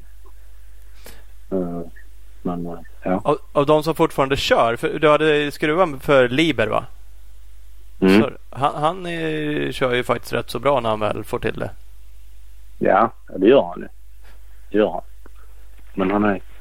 Han var ju en sån... En bra dag kunde han köra riktigt bra och nästa dag så kunde det vara inte så riktigt bra. Nej. Mm. M- mentalt mycket liksom. Att nej, idag funkade det inte. Då bara Ja, jag, jag vet faktiskt inte det. Man gick liksom inte in på djupet riktigt med de grejerna. Nej. Så länge inte det var fel på hojen så var jag nöjd. Om man ska säga så. Jag, jag gick igenom din Instagram lite bakåt i tiden. Då hade du lagt ut en skön kraschbild. Eller på hans hoj i alla fall. Uppenbarligen hade någonting hänt. Det såg hyfsat jävla ramsned ut. eh, Libers. Jag gissar väl Libers Mm. 33. Ja. Nej, det var det. Det var för det var i Valkens var 2013 tror jag det var. Så, eh, ja, då, meckade inte jag till liv just då ju. Nej. Eh, Men eh, han hade kraschat bakom ett fullfartshopp. Och så, eh, så kom José Butolon i full kareta där och bara rammade han biken. Så den blev ju rätt så sned där ju. Så det var ju... Ja, allt fick ju bytas ut. Jag kommer ihåg när vi plockade framhjulet så gaffeln hade ju delat sig i två delar. Så den bara trillade ihop liksom när man plockade framhjulet bakramen. Den var ju, ja, den var ju kolfiber så det var bara smulor av den. Hål i tanken och ja. Sen kommer jag ihåg vi körde med den, körde med den ramen. Vi bytte typ allt förutom ramen. Styrkan var så snett och ramen körde med ett race. Så körde han i ja, typ en halv träning. i Italien tror jag. Så kom han in så bara "Nej, det känns inte rätt. Det känns liksom som att det, det är något som är snett. ja, det var ju ramen också kass ju. Och sen var det ju i Bulgarien, i Sevljevo helgen efter. Han fick ju köra Italien på eh, reservhojen. Så till nästa helg fick vi flyga ner en ny ram till den andra biken så vi kunde byta den. Och Det var en rätt så bra krasch med tanke på att det var så mycket som blev snett. Ja, det, det, det får man ju lov att säga. I, i, I det fallet var det inte bara hans fel. Nu var det han som kraschade i och för sig när man blev påkörd. Var det annars liksom sura det? En sån där krasch kostar ju några kronor. Fick de skäll någon gång liksom? Att bara, vad fan håller du på med? Nej. Du, kan... Nej, alltså det var inte hans fel. Alltså han kraschade i fullfartshopp. Han skulle precis sätta sig på biken. Han höll, han höll liksom i bakskärmen. Och Butron han hoppade på gulflagg. Viftande gulflagg. Ja, okej. Och som tur var så satt ju inte satt ju han inte på biken för då hade ju fan han också varit. Ja. Så, Uppenbarligen. ja, så det var ju tur i tur. Ja. Så länge föraren inte skadar sig så Det materiella kan man ju lösa. Så är det ju faktiskt. Ja men så är det. Nu är rally jävligt mycket dyrare. Nu kommer jag inte ihåg vem det var. Det var ju någon svensk för en jävla massa år sedan som fick någon bra styrning. Det var ju Olsberg. Det hette inte så som sponsrar så mycket rally idag. Ingvar Wolfberg. Ja, nej. det var- Vad fan? Ja, det spelar i alla fall ingen roll. Han gjorde ju inget annat än att krascha. Men en rallybil kostar ju några kronor mer att krascha. Han fick ju typ kicken efter ett tag. Och minns jag det som. Liksom, för att det där dög ju inte. Bara volta rallybilar på löpande band. Eh, och Alltså det... Vad sa du? Nej men det, det är ju inte samma sak att krascha en crosshoj. Alltså det hör ju liksom lite till. Så jag förstår ju att man kanske inte får kicken. Om man inte medvetet, inte fan vet jag, ghostar hojar på Nej. löpande band liksom. Och, Nej, det är ingen Ronnie Mac precis. nej. Nej, men alltså, alltså grejer, grejer går ju sönder liksom. De, de gör inte det medvetet. Ja. Alltså om du får en snedfitta i uppfart och så slår du framlänges. Ja. Det är inte många som gör det med flit. olyckligt. Nej. Det gör man ju inte. Apropå flit och eh, inte ha sönder någonting. Vad är det dyraste du har råkat haft sönder? Som mekaniker borde man kunna få skit om man kör gaffeltrucken rakt in i en eh, tju- 20 stycken kolfiber bakramar. Det dyraste jag har tagit sönder. Ja, det måste nog fan varit en bak... eh, En sving. Måste Fan. det nog varit. Fan man sönder den då? Bara Halka med rondellen. Nej, vi borrade ju upp hål i... För vi hade andra skruvar. Så vi skulle borra upp hålen större men så råkade jag ta ett för stort borr så det blev lite för stort hål. Men det gick att lösa. Det var lite helikoil och sånt skit. Alltså det var inte en sving som du bara smög ut på skrothyllan liksom och bara... Nej. Mm, Nej. det här var från Libers Nej. krasch så du bara skrev det på den. Nej. Det är ingen som hade märkt det ändå typ. Nej, nej, något så dyrt har jag väl kanske inte tagit sönder riktigt. Man har ju liksom drabbat sig lite ibland när man ska sätta på handtag så man får hota rullar och sånt. Men det, ja, det var inte så farligt. Nej. Nej, det är ju det är ju svårt att... Och, ja, vad ska man göra? Kröka titan avgasrör liksom. Det är ju, Mm. de är ju gjorda, de flesta grejerna är gjorda för att tåla rätt mycket spö också. Så man får ju vara rätt våldsam Ja. om man ska lyckas ha sönder någonting. Precis. Plocka bort eh, skrapringarna på gaffelbenen med morakniven och så bara hugga ett jack Mm. i nya innerbenen. Ni, men ni, Ja. kanske inte, ni kanske inte meckar riktigt med det verktyget? Nej, men Mora, en rostig morakniv hade vi inte riktigt. Alltså. Nej, nej. nej, nej. Sk- Skulle jag tagit med en egen. Sån så- här lär jag ha bara. Det spelar ingen roll. Det Man har så. Det här är bra till en allt. så kallad, Ja. en så kallad svensknyckel och en morakniv. Ja. Såklart. N- någon riktig meckmiss då liksom? Där du bara ser en hoj som stannar på sightingläppet eller det blåryker och du inser att fan slog jag i kyla vatten i den här jäveln eller bytte jag olja? Satte jag oljefilter åt rätt håll eller? Mm. Är meckmiss. Nu ska jag liksom inte säga det bara för att jag inte vill säga det. Men alltså någon meckmiss så har jag väl... Alltså det hade man ju kommit ihåg om man hade gjort det. Någon riktig sån där jävla idiotgrej brukar man ju kunna komma ihåg. Ja. Alltså jag har ju... Jag har ju... eh, Vad heter det? Satt däcken på fel håll och sånt men... Men det var ju... Det, var ju Det får man oftast, precis. Får man ju oftast lida för själv och bara kränga om skiten. Exakt. Nej, någon meckmiss på det viset så där liksom. Det kan jag fan inte... Alltså ja, någon meckmiss har jag väl gjort. Jag kommer ihåg jag hade råkat ta sönder en tändhatt på ett VM i Dopp Diga-teamet. Det hojjäveln det blödrar ju rundor på... Det var ju samma veva som de här jävla KTM-erna. Man skulle byta TPS och filter till insprutet och sånt skit hela jävla tiden. För det samlar ju mög där i. Då trodde vi ju det var det men då har jag råkat ha sönder tändhatten. Så det var ju Då var man ju rätt så förbannad för då missade han ju ett hit. Då. Uh, ja. Och jag, jag, jag har lyckats, eller ja, ja, det är väl det jag har varit liksom känt att jag, det här är egentligen på mig. Det här var jag ansvarig för. Jag eh, Transpondern snurrade på gaffelbenet.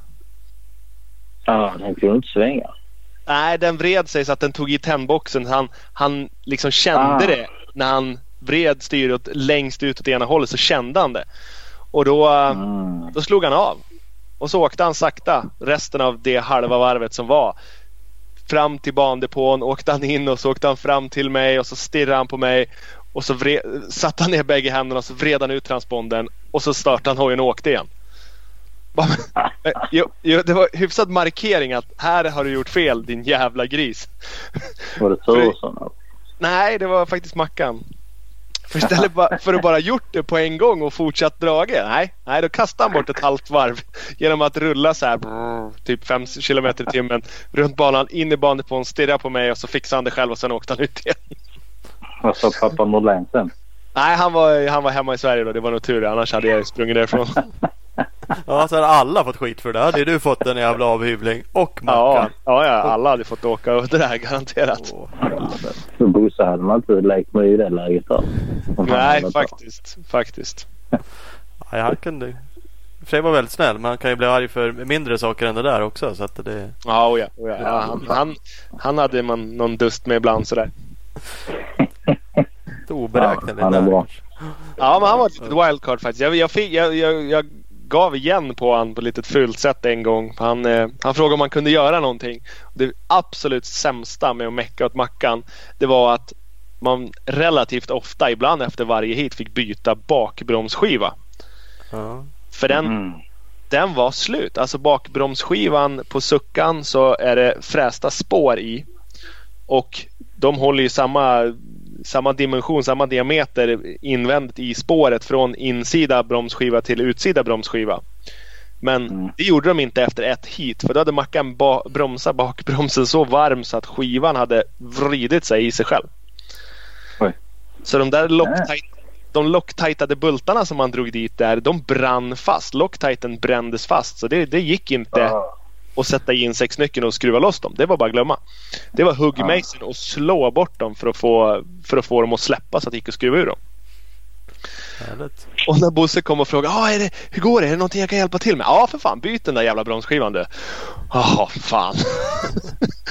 Varje gång så ångrar han. Fan frågar jag för ens. Precis. Det är det eller lär pojken och inte bromsa för fan. Ja, lite så. Lyft, lyft på högerfoten så ska du se att det blir grejer. Men ja, Nej, det- det, det där var lätt. det där är sjukt. Jag, kan, jag skulle kunna åka tio år på en bakbromsskiva. Men det, så där var det ju som sagt de åren jag lite hängde med Mackan också. Mm. Helt jävla bisarrt hur man Mm. kan slita ut en sån här grej på typ ett hit. Liksom. Ja, fast det, det gick ju att se på honom. Han kunde stå runt en, en vänsterböj så såg man att hans hoj gick typ såg ut som den gick 5 cm lägre och, och hans 450 brrr, fick jobba jävligt mycket hårdare än de andras. Och det var ju för att det var ju full pedal på bromsen också. Och så hörde man när han kom också. Mm. Och det gnisslade i bakbromsen. Ja, efter ett tag. Efter tre kurvor då. Ja, nej, så den, det, det är väl det jag kände att den, den där jävla transpondern där, den hade jag kunnat gjort bättre faktiskt. Men, men det fick jag veta. att jag Också. Ah, här, här, nu, nu skulle har jag vi... också gjort en, eh, har jag också gjort en grej. När han har kommit in och så ska han ta reservbiken. Så har man glömt att flytta över transpondern. Ja. Och sen så står man där som en eh, idiot och kollar på tavlan. Bara, vad fan är han någonstans? Har han Ja. trillat? Nej just det. Transpondern sitter där. Den står ju här ju. Fan. Ja. Ja. Ja, så kan man göra. Jag körde en hel enduro-tävling i helgen utan fungerande transponder. Så det gick Ja. bra det med. jag såg det. Ja. Då undrar vi det här hemma om du hade trillat istället. ja, faktiskt. Men det hade jag inte. Nej. Sånt som händer. Ja, jag kommer ihåg en gång. Jag var i, jag var i Uddevalla. Och så uh, kör vi sightinglappet på söndagen. Då kommer man in efter sightinglappet och så, ja, så börjar man toppa upp uh, tanken i. Och titta över liksom och sen så bara ser jag att det pissar vatten från, uh, från uh, vattenpumpen. på högersidan. Så då har jag fått ett stenskott på vattenpumpen på sightinglampet. Ja, Mm. Så jag fram där med en hammare och försökte liksom ge den en jävel så att den bockade in liksom. Men det var ju bara att rulla in igen. Men det var inte mitt fel precis. Nej, Men efter det svår. kan jag säga det att jag gjorde ett skydd till det ändamålet. Ja, du ser. Ja, men då lärde du något av det då. Ja, Det. Fick ni göra mycket sådana saker? Alltså var det specialgrejer eller var det okej då? Uppenbarligen gjorde du något skydd. Alltså även liksom i de stora teamen. Ja, alltså man, man fick ju liksom... Man fick ju vara lite kreativ och hitta på grejer det är inte alltid ett trans. Men vi hade ju liksom på ovanvåningen hade vi ju sådana gamla fabriksgrejer från ja, sen körde typ. Mm. Man kunde alltid gå upp och titta om man hittade något man kunde bygga om där uppe. Så, Hur mycket kreativa var ni? Om man säger, gjorde ni saker som ni uppenbart visste att det, här får man nog inte göra? Körde ni vikt med hojar eller soppan eller eh, kubik och sådana saker? Eller var man jävligt noga med sånt? Eller fanns det grejer där man bara fan det här nu? Alltså han Jens som eh, var vår chef så att säga. Han var ju rätt så petig med det här att eh, vi mätte ju alltid bensinen.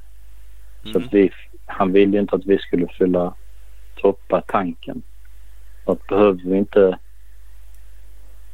mer soppa än vad vi behövde så tog det ju vikt. Ja, Eh, men där var det ju lite så för att vara på den säkra sidan så hällde man in lite extra. ja. Så man vill ju inte stå där och gambla att bara, äh, men du vet en deciliter Nej. vi in. Det är ju fan 100 gram och sen, ja okej, nu kommer vi inte i mål istället. Ja, precis. Nej, sen så... Alltså, han ville ju alltid att man skulle fråga honom liksom innan man gjorde någonting. Men ibland så gjorde man ju det utan att fråga liksom. ja. Då blev det ju ett jävla liv. ja det var så. Men det var ju bara... Men jag tycker ju, jag tycker ju liksom... Ja, om jag lägger på fem gram på biken men jag kan förhindra att den blir en DNF så tycker jag inte det är någonting. Men det var... Ja. Så tyckte inte alla. Nej, så kan det vara. Så, så, så den är, är ju lugn liksom. Men det var inga så här förankrade grejer inom teamet som regelmässigt inte var okej. Typ att fan vi kör med lite högoktanigare soppa här liksom. Skit i det. Det, det Nej, går nej, bättre. fan. Nej. Nej, nej. Nej, det var det inte. Hur, hur jävligt gick hojarna då? Nu, sa, nu höll du inte på så mycket med motorerna men bänkade ni dem själva sådär? Gå, gick de som kulor och krut liksom? Ja. Var det 15 hästar mer än en standardhoj eller var det? Nej, det var som... Alltså helt ärligt så fick jag aldrig veta det. Nej. Vi fick inte, vi fick inte komma in i bänkrummet när de hade bänkat. Nej. Eh, så jag har faktiskt absolut ingen aning. Och, Men och det är bikarna, ju... vägde, men bikarna var ju, vägde ju minst. De vägde ju... Vad fan vägde de? 96 kilo eller något sånt. Ja. Men det är ju tråkigt som fan när man är jävligt intresserad. För är man inte det, då har man inte det där jobbet. Och så en sån här godbit Nej, som alltså bara, man- nej, det får inte du veta. Det är över din pay Nej, grade man- grabben. Hopp. Precis, man försökte liksom luska lite i den men det var... Det var stopp. Ja. Men det där har vi hört både du och Ola när vi har varit på något sånt där racetest. Har man ju liksom tänkt fan de måste kunna släppa på någonting. Men- de säger ju också så här. Vi vet inte. Vi skickar Nej. motorerna liksom till eh, KTM. De- De är plombade liksom. Vi får en ny motor. Vi skickar vi den här. Jag har ingen aning om hur den ser ut inuti typ. Eh, Och det låter ju verkligen som att ja, men det är så. Det är liksom, man släpper inte på den där informationen i onödan. Nej. Och det är tråkigt. Man, så där vill- man ju det är det. veta. Men de... Då, eh, sista året jag mekade på Suzuki så mekade jag till en spanjor som heter Jorge Zaragoza Beltran. Jorge. Och vi...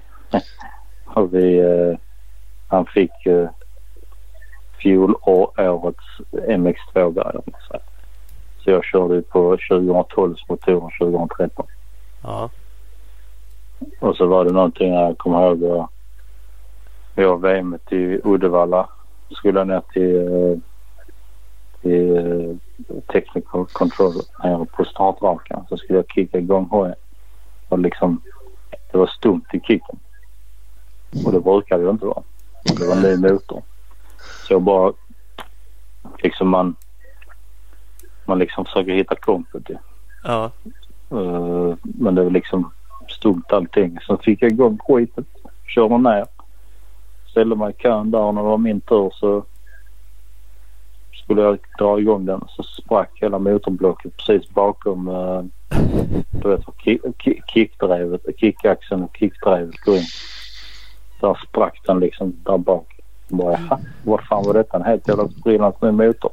Så det var bara att rulla upp skitet där. Och uh, så hade jag två reservmotorer med mig. Så jag hade fyra totalt. Så bara byta motor. Uh, eh, ner. och eh, besikta hojen. Kanonfint. Sen kom vi till Lettland, tror jag det var. Uh, då fick han motormekanikern bygga ihop en motor till. Och så gjorde jag en likadan motor till där. Spräckte skitet där också. Dosh. Så det var bara att byta där också. Och sen så kom jag hem till Belgien. Fixade hojen. Du vet så när man har byggt ihop allt, hela hojen och den är liksom... Du ska bara starta den så du ser att den startar och fungerar. Likadant där. Tre kick och sen bara... Spräckte skitet där igen. Så det var bara att rulla in och byta motor. Och efter det så fick jag 2013 motor. Och då sa jag, jag sätter inte in sån här motor till. Jag orkar inte hålla på att byta hela jävla tiden. Nej.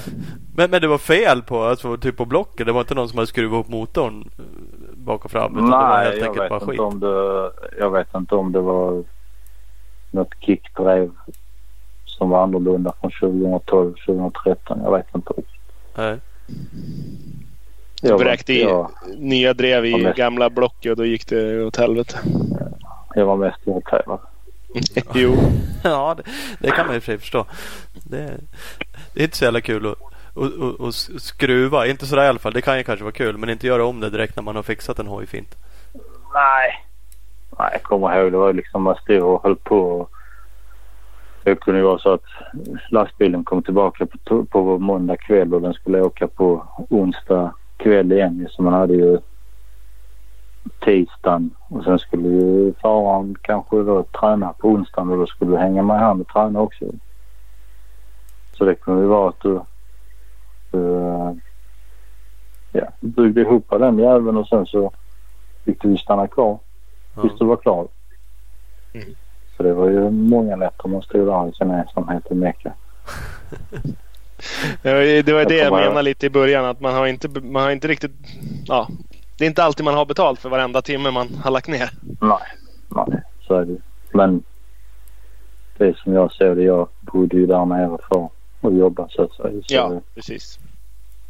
det är det man gör. Ja. Så jag kommer ihåg det var en gång också man stod där och höll på att bygga ihop motorn eller biken och sen så så kom då Kullas tillbaka med sin träningsbike. Ställde den mot väggen och körde hem. Och när jag skulle gå hem så, så stod ju hans bike där ute. Så just i helvete, det ska jag ju tvätta och byta motor på den för han ska träna imorgon. Så det var bara att börja tvätta och byta motor. Fan vad nice. Det, ja, nej, så det var... Man fick, man fick jobba helt enkelt. Ja. Apropå byta motorer som du säger. Vi har fått in några, vi skrev- la ut på Facebook så fick vi några frågor, lyssnarfrågor. Robban Tranberg eh, skrev bland annat hur, mycket standard på hojarna. Det där har vi varit inne lite grann på. Men han frågade också driftsintervaller. Apropå då byta Ja. motorer, du var inne lite på ramar, eh, fälgar, fjädring. Alltså hade ni fasta tider som ni körde på saker och ting eller hur? Alltså motorerna brukade vi köra två race på. Uh, samma med fjädringen. Ja, Uh, träningsbikarna körde vi cirka 20 timmar på. Och sen blev det en så kallad overhaul på den. ja, Uh, och sen så till varje, till varje VM-tävling så bytte man i stort sett allting. Men de grejerna hamnade ju sen på träningsbikarna. Så allting användes ju upp. Alltså. Ja. Så det var ju inget som man kastade som så bra ut. Men, men allt som är allt. Allt som är kabelstammar. Liksom. Ja, kabelstammar körde vi kanske fem race på tror jag. Ja. Och då, och då körde vi ju fem eller sex och då körde vi ju den här ADAC också. Ja. Tyska mästerskap. Så det blev ju... Det var ändå vi körde fyra kabelhärvor på en säsong eller något sånt. Mm. Fyra eller fem den tiden. Samma med boxar. Då brukade det ju vara vi bytte kabelstammarna eller elektroniken bytte vi när vi bytte ramarna och ramarna körde vi på sex race. Mm. Sen byttes ramarna. Så då eh, gjorde man det i samband med det. Fan, det är lite grejer där. Alltså typ eh, dekaler, plast och sådana saker. Var det all, alltid nytt eh, race liksom? Det, Ja. det, det Ja. var bara... Det var nytt allt. Alltså till, ja, till varje race var det nytt. Men sen var det ju så om du var på någon tävling där det var riktigt, riktigt varmt. Då kunde du liksom sätta fyra set dekaler på en helg. Alltså för den där det blev så satans varmt så blev det dekalen så satans mjuk. Så det Ja. bara rullar, bara rullar sig liksom. Och det ska ju... Sponsorer, spons- sponsorerna ska ju synas. Ja. Precis. Och fälgar, fälgarna. I och med att vi, vi körde Michelin och då, då hade vi ingen, eh, ingen sån support. Så vi krängde ju våra däck själva ju. Eller ja. Mm. Så jag tror varje förare MX2 hade väl 10 set hjul vars. Så man hade ju liksom kränkt, kränkt hjul eller däcken innan man körde till tävling. Men sen var det ju det att du skulle kanske ha... Du skulle köra med samma korv men du skulle ha nytt däck så då fick man ju byta, byta på tävlingen. Det var det glassigaste på VM när man hade däckservice och bara åkte dit, kastade in Ja. fälgarna, sladdade runt ett varv på pitbiken, kom tillbaks, klart. Bara åka och montera. Så fint hade inte jag. Nej. det är olika. jag tror vi. Jag tror vi var de enda som körde Michelin. All right. blev straffade för. Ja, precis. Men det måste ändå vara, köptes mycket av sådana här grejer in liksom. I början av säsongen kom det in bara pallvis med så alla de här fälguppsättningarna. Dekaler. Det måste ju leva, lägga travar med sånt. Plast som tar plats. Det måste ju vara hyll. Ja, för fan. Alltså, ja, det kom ju i början på säsongen så kom det väl liksom sex. Jag vet inte om du vet hur stor en sjöpall är. Ja, Den är väl 120 gånger 100 eller sånt. Det kom ju sex sådana sjöpallar som var väl två meter höga med delar från Japan. Eh, och sen så fälgarna, ja det fick vi från MX1 fjolårets fälgar därifrån. ja. Eh, men det kom ju liksom i, i början på säsongen där och, och, vår, och våra ramar de var ju... De byggde vi ju om. De skulle svetsas och massa sådana grejer. Det skulle vara fästen på andra ställen och eh, CD-boxen skulle sitta på ett annat ställe och ja, massa sådana grejer. Ja, Okej. Special. Fan. Sånt är också coolt. Ramar är alltid coolt när man gör om. Men det är också coolt med alla sådana här grejer. Det kan man ju tänka sig att det skulle vara rätt roligt att stå och se allt det där och bara lägga in det i hyllor och stå där och titta liksom bara. För fan hyllmetrar med prylar. Ja men det var ju, det var ju det var liksom som i en butik liksom. Du hade ditt lager du gick in på där. Där stod det liksom hyllor med uppdelat liksom. Ja. Ja. När vi går in i en väl, välsorterad MX-butik. Ja. Fa- Fast på en hylla så ligger kolfiberbakramar. Ja, Exakt. Det har de inte ens på Motorstar. Nej. Precis. Hur många sådana där grejer har du hemma på någon hylla? Som bara har råkat följa med därifrån? Något häftigt? Jag hade lite titanbultar hade jag innan men de har jag gett iväg. Ja. Jag hade ingen nytta av det. Nej. Nej, inte något så faktiskt. Jag snodde med mig lite dekaler och sånt gjorde jag men sånt som bara skulle skjutas. Du vet var, ja, hade man tio set dekaler över, ja det ska inte användas till nästa för nytt så det ska ju bara kastas. Ja. Mm. Så slank den där i väskan. Ja. Det kanske inte någon hade blivit så sur över men hade man haft två bakramar och Nej. kolfibertank och Nej. specialsvetsad ram och en sån här Japan-plombad motor. En sån jävel skulle du ju ha snitt Ja. med dig. Nej, Ingen sån. det, nej faktiskt inte.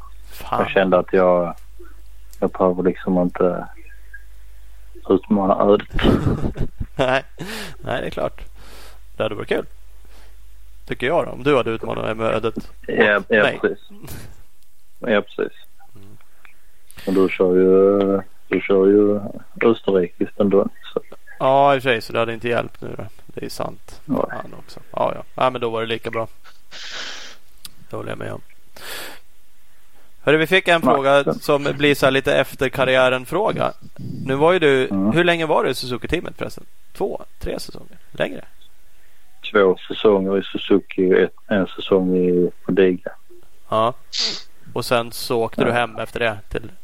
Ja, jag fick faktiskt sparken om jag ska vara helt ärlig. Varför det?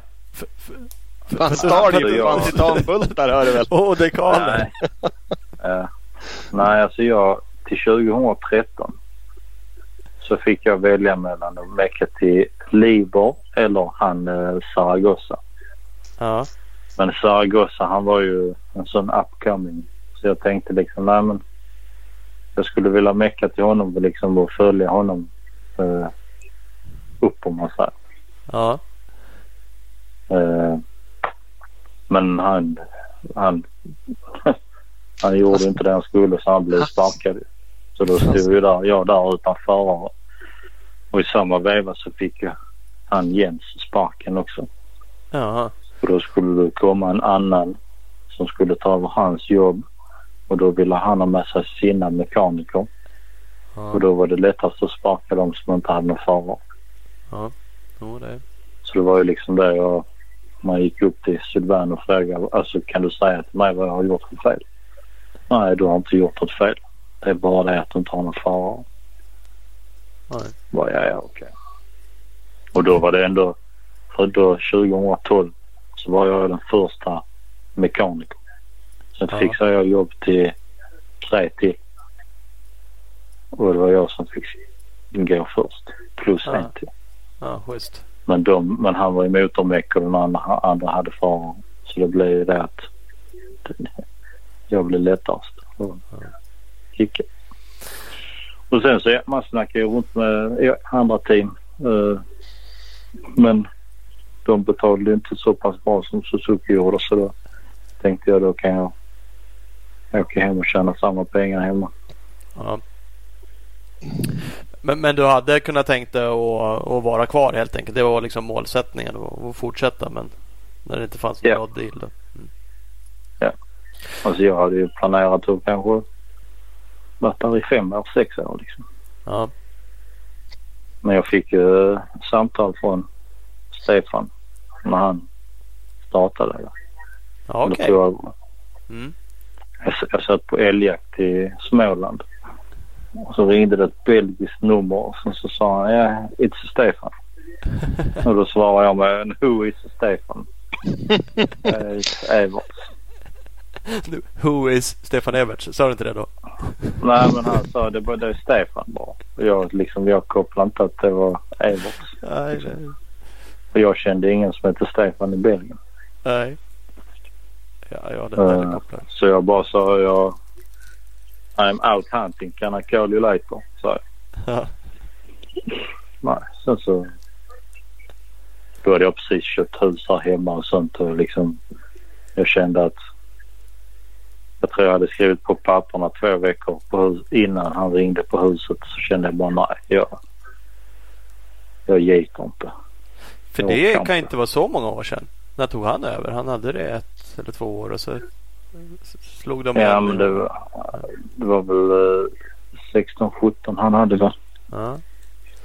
Jag tror han ringde mig i oktober 2015. Ja. Men fan, då hade du fått kontakt med honom då? För han var han på Succa då? Nej, han var ju på KTM innan han... Nej, nej men han hade ju snackat med någon där ju. Ja. Och så hade de väl sagt att det var ring Gustav. Mm. Ja, ja. Mm. Men det är skönt ändå. Det är ju ändå ett bra betyg och jävligt kul. Uppenbarligen blir uppringd av Everts som tycker att du borde jobba Ja. Man blir ju lite eh, flattered så att säga. Ja, ja. Det ska man ju bli. Sen kanske det var bra att du inte hoppade på det för då hade du inte heller haft jobb så jävla länge. Nej, nej precis. Det gick åt helvete det. Det gick ju fan. Vi, det fick vi också en fråga om då. Micke Strandberg. Om du har någon info liksom om, om vad som hände med Everts team. Och om Succa är på väg tillbaks på något sätt. Sitter du på någon insider liksom? Alltså det... Man kan ju säga som så att han körde slut på pengarna.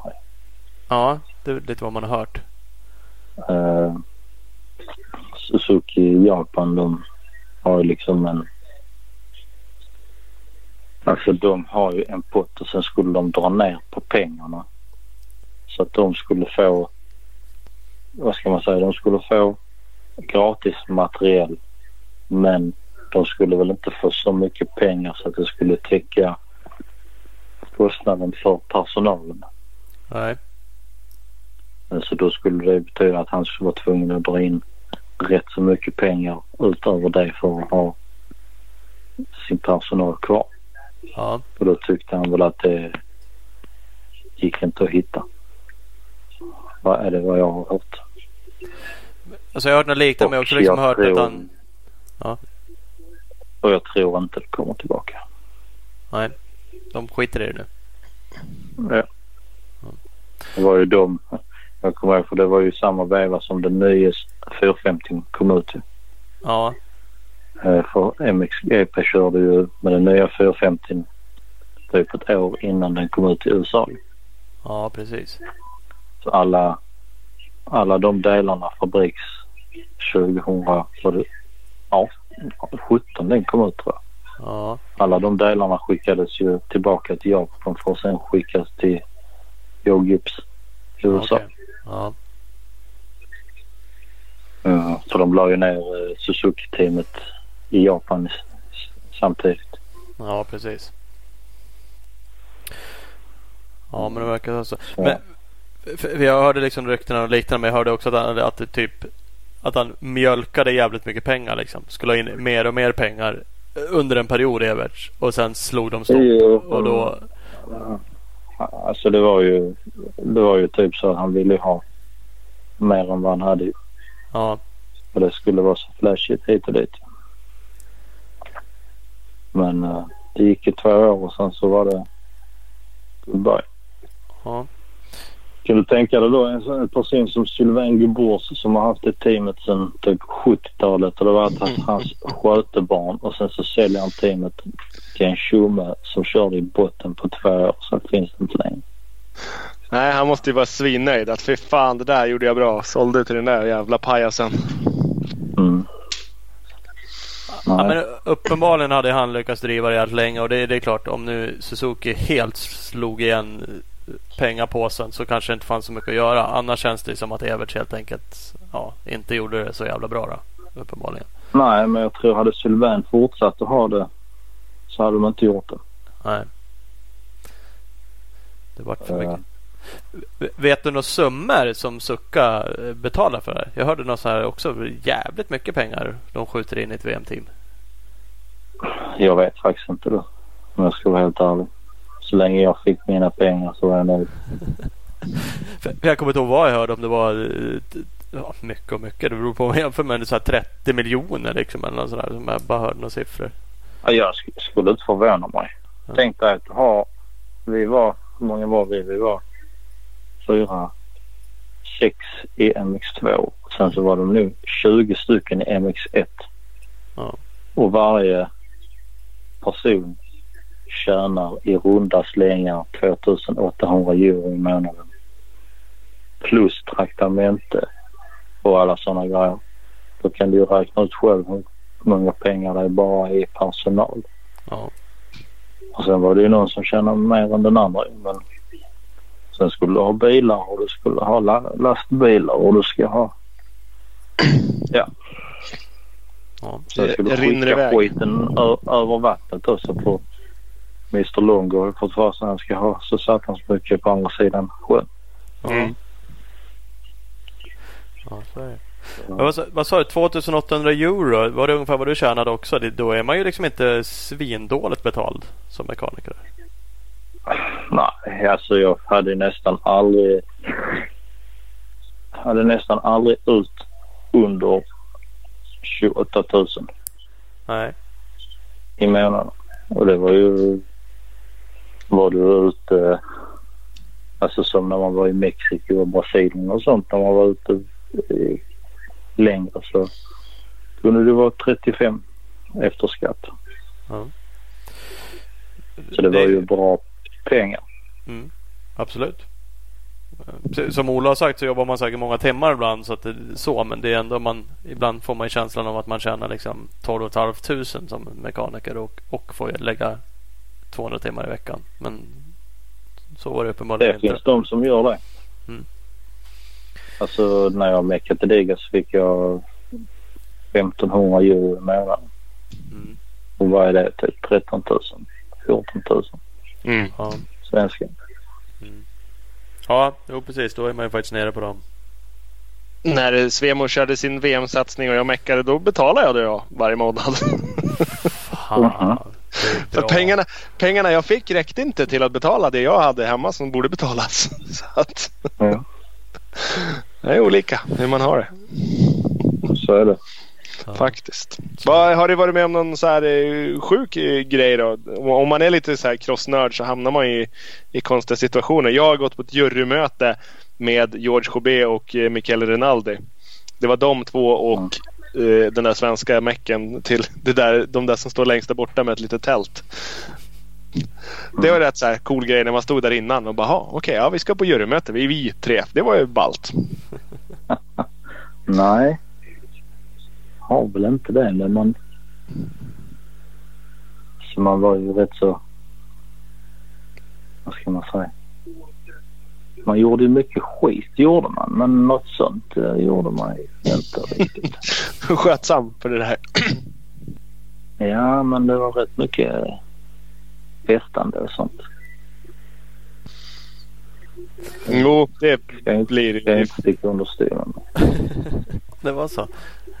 blir som en ny marknad när man kommer till ett annat land. Det finns, mycket, det finns ett annat utbud av andra saker där. Ja.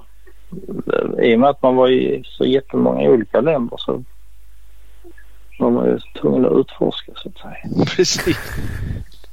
Lära sig lite nytt. Det, det ska man ju göra. Ja. Nej. Nej. Men nej, för fan. Jag fick, jag fick upp en sån minne på Facebook. Det är för fan sju år sedan jag var där nere Ja, Mecka. det är fan länge sedan. Åren går ju. Alltså det känns som att det var typ två år sedan. Ja. Man satt i en jävla sprinter på väg ner till Spanien helt själv och tränade lite. Men... Nej. Ja. Men nu är du hemma. Fanns det någon liksom, när du kom hem då, du ville ju egentligen inte hem. Visst började du jobba på Motorstar? Gjorde du det direkt igen då? Nej, jag var väl, jag var väl arbetslös i två månader tror jag. Ja. Men så började jag jobba hos Johan på Motorstar i verkstaden. Plus lite i butiken. Ja, precis. Men- det funkade. Det var liksom inte så stort att det blev en omställning liksom så att komma hem. Utan det var ha- hanterbart då. Alltså den största omställningen var väl att eh, mecka på alla andras en sån 2002 RMZ. Nej det fanns ju inte ens då men typ 2008 CRF 250 som Ja. aldrig startade när den var varm. Nej men lite så som de aldrig har tvättat någon gång. När man Ja. när man har blivit... När man jobbar där nere så blir man ju rätt pedant. Ja. Och då vill man kanske göra på... Det ska ju kosta så lite som möjligt. Ja. Så det var nog den största omställningen. Så att man... Man lämnar ut en hoj som ser likadan ut som när man fick den typ. ja. Det var inte samma stolthet kanske då. då. Bara här har du din skitiga jävla hoj Nej. tillbaks. Men nu går den. Casha och Precis. härifrån. Ja. Nej, det kan man ju förstå. Uh, Nej, och skulle, skulle du lägga ner den tiden man vill på den så skulle de ju få pröjsa som en ny bike innan de fick ut den. exakt. Nej. Nej, det var väl den största omställningen då. Och ja, snacka med kunder som visste bättre än vad jag gjorde. Mm. Ja, det är skönt. Ja, ja. Men ja. man har, man har ju lärt sig mycket på den, på den biten också. Ja, men man gör väl det. Man lär sig väl av allting såklart. Ja, så är det ju. Och det vill jag ju inte ha ogjort nu. Nej. Det, brukar i och för sig vara så. Även om man är less under tiden man gör det så kan man vara rätt nöjd efteråt att man faktiskt har gjort massa saker. Precis. Och så är det. Så Ja, Nej, nu är det inga motorcyklar längre. Nu är det bara jakt. ja jag har sett det. Konstaterade det på din Instagram också. Det var ett jävla scrollande innan jag hittade en motorcykelbild. Det var bara Ja. massa jävla vapen och skit. Nej, Nej det är väl bra. Ja. Det är kul om du tycker det är kul. Ja. Ja, men det är gött. Hörru, vi, vi ska eh, runda lite grann. Det var roligt att prata lite med Factory Mech. Ja. Uh, vi har en sista grej. Vi brukar ha en, en veckans brevfråga som jag och Ola brukar prata lite om. Eh, Mm. men, men du ska få äran att vara med. Vi har ju snuddat lite vid, vid sådana där saker. Eh, men, men, men du ska få vara med så vi ska bara runda av med den. Eh, vi ska Mm. nämna våra, våra kära samarbetspartners lite snabbt här först. Vi har ju ett samarbete med enduroskola.se.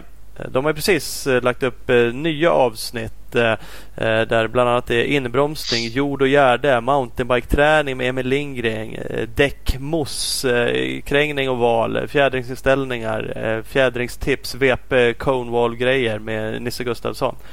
Så det- ska ni kolla in. Det är grym skola på enduroskola.se. Använder av koden MXSTAR så har ni 10% rabatt. Så in där, enduroskola.se. Faktiskt. Enda, eh, ett av sätten man kan bli snabbare, eh, kanske det enda, på att eh, sitta framför datorn. Mm. Pass på. Eh, CEC Motorcycles, Tibro MC Service, Cross Enduro-kompaniet blir CEC Motorcycles bestående av två stycken butiker med märken som Yamaha, Honda, Suzuki, Kawasaki, KTM och Husqvarna. Instagram och Facebook finns de Tibro MC Service eller Cross Enduro-kompaniet. Så är det och vi har ju lite samarbete med One Gripper, det fantastiska sadelöverdraget. Uh, kolla in deras uh, Instagram-sida One, uh, One Gripper och kolla även in onegripper.com. De kör lite tävlingar och sånt på sin Instagram så där kan man vara med och vinna ett sadelöverdrag. Oh, inte jävla vilket sadelöverdrag som helst. Special Edition White sadelöverdrag med. Så är det faktiskt. Mm, pass på. Big Balls MX har vi. Den fantastiska butiken i Växjö. Honda-handlare, Suzuki-handlare, gasgashandlare. Det går, kan man köpa vad som helst nästan. In i butiken, köp någonting. Bigballsmx.com eller bigballsmx på Instagram. Och Speed Equipment, din KTM, Suzuki, Honda, gasgashandlare i Vänersborg. De finns på Facebook, Speed Equipment. De finns också på www.speedequipment.se. Yes och skott. No shortcuts, inga genvägar. Så enkelt är det. www.skott-sports.se Skottsports Sverige på Facebook. Och Opus Bilprovning, över 80 stationer i Sverige från Kiruna norr till Helsingborg i söder. opusbilprovning.se Husqvarna, absolut bästa motocross enduro-hojarna på marknaden. Husqvarna Motorcycles Scandinavia heter de på Instagram. Bioclean Bike Wash, värsting tvättmedlet till din cross enduro bike. Eh, Kolla in dem på Facebook och man kan även beställa tvättmedlet på deras hemsida www.bikewash.se. Jajamän, och sist men inte minst har vi Speedstore. Bästa butiken i Valbo utanför Gävle. www.speedstore.nu eller speed-store på Instagram. Men, men annars, veckans brevfråga eh, då är ju som följer. Den är från Theo Olsson eh, på Instagram. Tips på hur man blir mekaniker på elitnivå. Och det blev ju du. Uh, Och du var ju i och för sig har du liksom, finns det någonting du känner så här efteråt att fan det här var ändå bra att jag att jag kunde? Eller var det bara tur hela vägen? Eller var, var det att du vågade chansa att åka ner? Eller vad var, liksom, vad var det som... Nej men det är ju det liksom. Alltså, i, I början så ska man ju... För det första så ska man inte kräva att man ska ha betalt hela jävla tiden. Nej. Du måste ju få in foten på något vis. Och liksom våga göra det. Det är ju... Du har tryggheten här hemma men om jag ska vara helt ärlig här hemma kommer det ingen vart om du ska hålla på med detta. Nej. Nej, du kommer ha jämnt göra och för- få betalt här hemma. Ja. Men tyvärr nu för tiden så är det inte så många team som betalar så mycket lön med tanke på hur mycket overseas de gör. Så dras ju dras det lite pengar från personalens löner. Så det är inte lika fett betalt som det har varit innan. Men det om vi kommer tillbaka till, till det här tipset så är det ju liksom, ja. Våga liksom göra det och erbjuda dina tjänster och liksom vara öppen för allt liksom. Inte vara någon besserwisser. Och komma och tro att du är någonting. Du ska liksom ta in massa grejer och sen så... Ja. Och helst så ska du hamna på ett bananskal som jag gjorde. ja men så är det nog i den, i den där världen. Sen kanske man halkar lite lättare på det här bananskalet om man har gjort någonting eh, bra och eh, snackat lite för sig. Och som du gjorde tog dig ner med ändå ja, klart sämre lön i ett team till att börja med. Nu hade du ju för ett team i Ja. alla fall att komma till. Men eh, Precis. Och det var som, som jag sa liksom att säga att jag inte vill åka ner. Nej, då kommer jag kanske ångra mig i resten av mitt liv. Men skulle jag åka ner och sen efter ett halvår känna att detta är ingenting för mig så kan jag alltid åka hem. ja, Alltså hem kan man alltid ta sig men att ta en chans som du får en gång. Ja. Den kan du inte få tillbaka sen. Så är det ju. Det ska, du, ska man vara på den där nivån där nere i Europa, för det är enda stället man kan vara på den där nivån, eller i USA, då, men då, det är ju ingenting man, man kombinerar med att ha någon flickvän som sitter hemma och tycker att "Nej, men du måste komma hem och hälsa på i helgen. Utan det, då är det liksom all in på det där som gäller. Man får vara jävligt ödmjuk och lyhörd och ja, eh, bara inställd på att jobba arsle av sig under ganska lång tid för att bevisa vad man kan. Precis, så jag, om jag ska berätta en historia om, jag tror alla vet men Austin Faulkner är i USA. Mm. Hans mekaniker Olly Stone. Han jobbar ju för Jackie Martin samtidigt som jag jobbar i, Belgien hos Suzuki. Han skickade ju han skickade ett brev till Mitch Payton. Ett handskrivet brev till Mitch Payton. Och sen efter fyra år tror jag så ringer Mitch Payton honom och frågar om han vill komma och jobba för honom. Mm. Så liksom bara en sån grej. Jag tror han, han ringde mig. Vi var rätt så bra kompisar. Eller vi är ja, vi umgicks mycket när vi bodde där nere. Han ringde mig och frågade vad ska jag göra? Ja, Stick Vad vill för fan. ja men åk. Så han bokade ju ett flyg och åkte typ två veckor senare på arbetsintervju. Kom tillbaka. Och sen så i slutet på året så stack han. Sen har han ju varit på Pro Circuit nu sen dess. Mm. Så liksom, ja, bara för att du inte har fått svar just när du skickade så kan det dröja fem år tills du får ett svar. Ja, och skickar du aldrig brevet eh, eller liksom hör av dig på något sätt. Då kommer du ju såklart aldrig bli kontaktad. Eh, Så är det. För det det, Man måste våga. för det var en fråga jag tänkte. Jag vet inte hur mycket liksom insyn du hade i de teamen du var i. Men om man som svensk då hade liksom letat reda på en mailadress till någon av dem där. Det, det hade kunnat funnits en möjlighet där också liksom. Om man hade presenterat sig på rätt Ja, sätt kanske. Ja, ja alltså har, har du väl kommit in i svängen liksom. Alltså, alltså vad ska man säga? Det var många ansikten man såg som stannade i ett team ett år liksom. Och sen var de i ett annat team nästa år och sen så var de i ett nytt team året efter det liksom. Ja, Så det var ju rätt så ruljans på, på folket ja. ja. Det, det, Sen så kan jag, bra omsättning på, på personalen liksom. Ja, det är bra omsättning men har du väl kommit in i, i svängen så stannar du kvar där om man säger. Mm. Det är som han, eh, vad fan heter han nu som jobbar på KTM, han svensken. Uh, han som mekade till. Mm, Ja, precis. Han ja. Uh, ja. Och du vet vem jag menar. Ja, Han har ju varit där nere nu i hundra år känns det som. ja. Och han liksom... Ja. Men nu ska jag säga att nu så känner jag inte igen så många som, som är nere i VM-cirkusen för det har nog kommit in rätt mycket. Men det är ju 80 procent fransmän. Och fransmän är ju som fransmän är. Ja, ja så kanske det är. De jävlarna gillar vi inte. Nej, Nej. Så är det. Ja men det är skönt. Ja men det var ju eh, lite tips. Till Theo Olsson. Det är helt enkelt bara ta för sig i ett steg. Kontakta någon. Försök och, och framförallt våga liksom ta sig ut om man nu får chansen. Ja, börja på SM och, och liksom jobba dig upp där och känn efter om det här är någonting som man vill vika eh, jobb och fritid och eh, allting till. Så ja, då, då är det bara då är det bara att söka sig ut i världen. Hitta någon lokal förare som du får hjälpa liksom. Och faktiskt lära sig lite. För dit kommer man väl ganska snabbt också. Att någonting bör man ju eh, kunna. Även om du skriver ett fancy brev så lär det kanske inte bli så långvarig om du är fullständigt talanglös på att skruva. Så att, eh, Nej, du måste ha ett öga för det. Och Du måste liksom ta till dig vad folk säger. Eh, Det är steg nummer ett. Ja men gött. Hörru, kul att vi fick ringa. Det tog några år men nu jävlar. Ja, jävlar. Plötsligt hände det som Pro Circuit. Mitch hör av sig lite senare och vi. Ja, Ja, exakt. exakt. så är det faktiskt. Ja vi får väl se då. Nu håller du Nej. inte på så mycket hoj i världen så om vi får någon anledning att ha med dig igen. Men det kanske vi får. Vem vet? Ja, men Ska vi det- starta det kan vara jakt- som en uh, Jaktpodden om inte annat. Ja det är den. uh, jaktpodd. Då kan jag vara med igen. Ja. Yes. Ja, det låter bra.